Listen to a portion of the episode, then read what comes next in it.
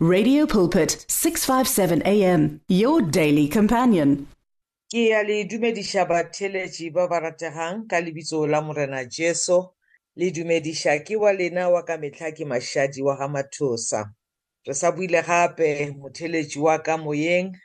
Re leboga modimo ga fela re fa tšhono e botse ya go tla go boledišana ka lentšu la gage. Kgopela gore pele re thoma le mamotlha motheletši wa ka nke re thomeng ka go leboga modimo. Jefa ya lokileng re tla pele ga sefatlhego sa gago ka nako eo re fileng yona.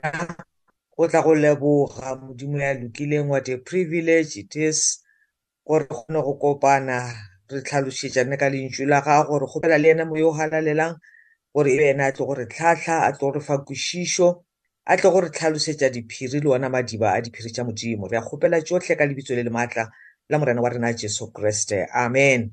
Batheletši ba ka ke buile gape. Re leboga go boloka ke modimo re leboga bophelo. Re leboga tšhono ya go just to sit around his word and learn from him. Gobane letšo la modimo le tlhalosa gore mo lefaseng re ba fiti. Motheletši wa ka we are preparing ourselves for the eternal life that is to come. Eh re tshepišitšwe legodimo motheletši wa ka. That is why we are always in the word of god. That is why we are always learning from god. That is why we are always inviting the holy spirit of god to teach us. Gore re seke be ra fitlha mo e leng gore we miss heaven.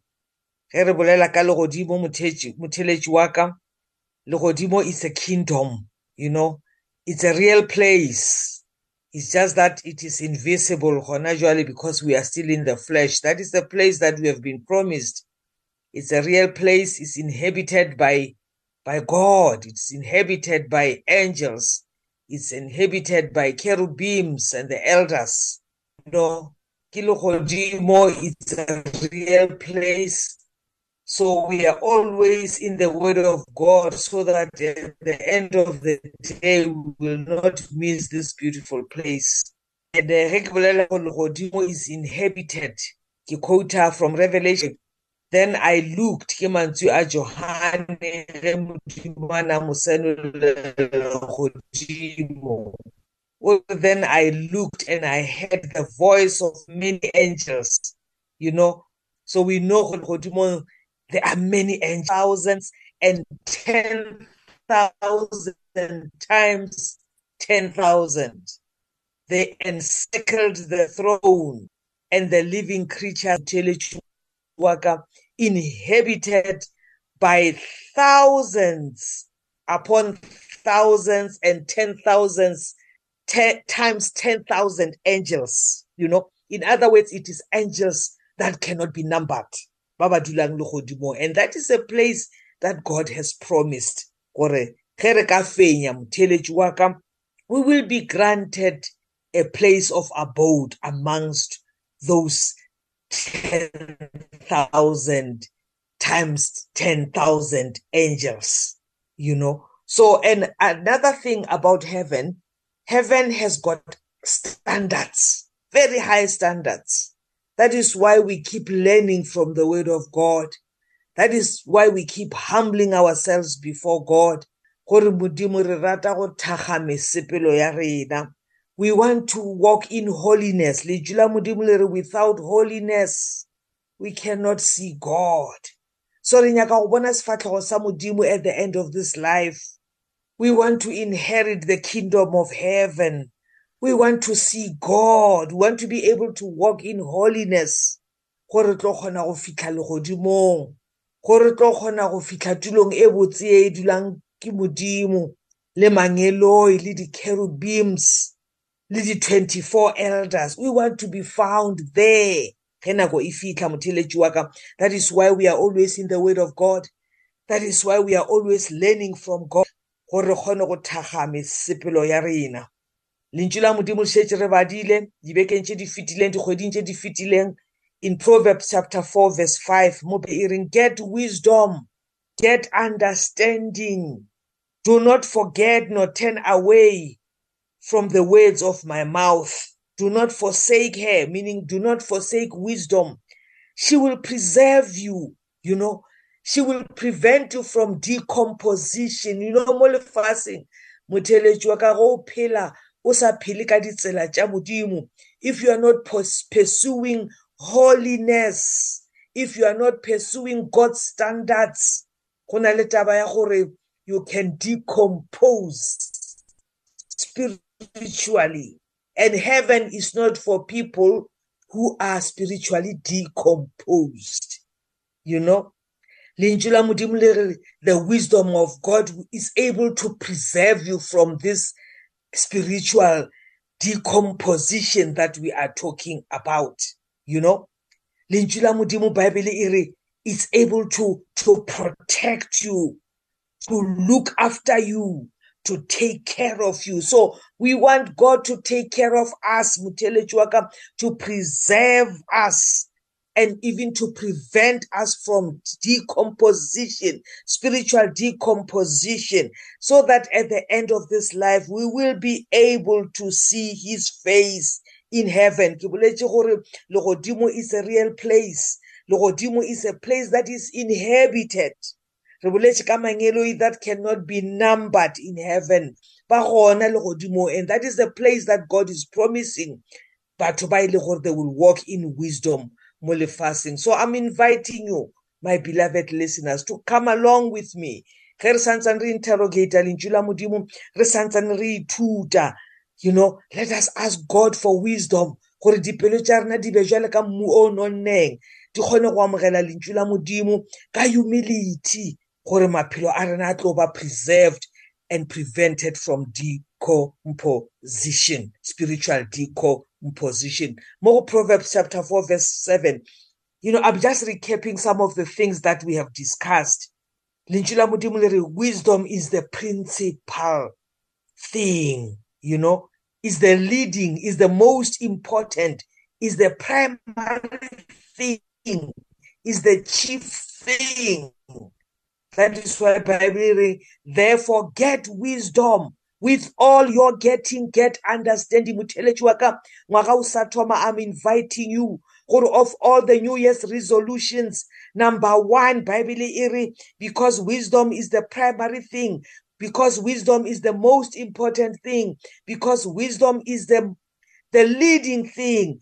Or let with all you are getting get wisdom, get understanding, elevate her, exalt her, hold her in high regard.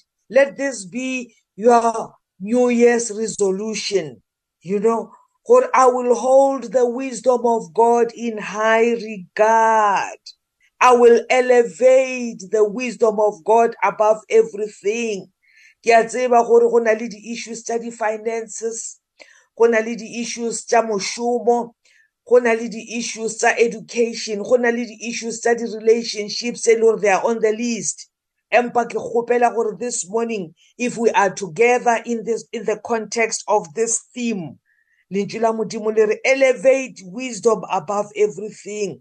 Hold her in high regard above everything. E re mo listing ye o e dirileng motheletši wa ka ya di-resolutions for this year. Mathomong thomong number one bea taba ya gore i will hold the wisdom of god in high regard because wisdom is the principal thing is the most important thing in my life is the primary thing. Ke boletše taba gore re ikemišeditše gore we should make heaven and heaven is a place with very high standards. Motheletši wa ka ga se mang le mang wa ile go tsena ka kgoro ya legodimo. Those are the scriptures that we will continue reading. Dibekeng tše di sa tlang ge e le gore modimo tla re dumelela. You know heaven is a place with very high standards. And for us to be able to make heaven we need to walk in the wisdom of god. When you embrace her ke verse 8 the b part ya verse 8 she will place you sorry, she will place on your head an ornament of grace, an ornament, an ornament of elegance, a crown of glory she will deliver you. In in this year, You will not go another minute without this ornament of elegance on your head, without this crown of glory that it can only be delivered by the wisdom of God. So I'm inviting you, my beloved listeners, le nna ke tlile on this table gore ke tlo ithuta motheletši wa ka to be able to exalt wisdom in this year to elevate her to hold her in high regard in this year gore ke sekebe ka tsamaya one minute of my life without this ornament of elegance you know that wisdom is able to deliver to those who walk in her so we need to be able to distinguish Muteleji wa ka re sa thoma between the wisdom of God and the wisdom according to man. Re ile ra bolela earlier in this teaching gore you know the Bible speaks about mockers. You know that was Proverbs chapter 9 verse 12. Gore there are people who continuously mock you know the wisdom of God. Lefase ge o ka lebelela or motlhomongwe a kere satane o dirile gore batho ge ba lebella the wisdom of god ba e mistake for foolishness you know o kry le gore batho ba boaster ka dilo tse e leng gore they don't accord with godliness they don't accord with holiness ga di tsamaye go ya ka standard sa modimo matšatši a when you talk about the wisdom of god people boast about foolishness you know they mistake it for foolishness. They laugh at you. They think the wired ought to be held in high esteem. Ge ba lebella sebe, ba hwetša sebe go ya ka di-standards tša lefase e le bona botlhale bja lefase. So motheletši wa ka, we need to be able to differentiate between the wisdom of God and wisdom according to men. And it is only the word of God we are able to separate these issues. And today I'm inviting you to go with me into the book of Genesis, chapter 2, Rilo thoma go bala ka verse 15. From the very beginning, mo rileng ra bona wisdom ya modimo le wisdom ya batho. Bible e re, the Lord God took the man and put him in the garden of Eden to work it and take care of it. And the Lord commanded the man, You are free to eat from any tree in the garden, but you must not eat from the tree of the knowledge of good and evil, for when you eat from it, you will certainly die. That is the knowledge, that is the wisdom of God. Mudimu Ari, you are not supposed to eat from the tree of the knowledge of good and evil, because if you eat of that tree, you will certainly die. Then Genesis chapter 3, verse 1 now the serpent, Muteleji waka, the source of the wisdom of this world, the source of the wisdom of men, is the serpent, is the devil himself. According to God, Bible iri, we are not supposed to eat of the tree of the knowledge of good and evil because we will die. If you are wise, if you follow the wisdom of God, then you know you will die if you eat of that tree. Emperor Satan Bible in verse Genesis chapter 3 verse 1 he was more crafty than any of the wild animals the Lord had made.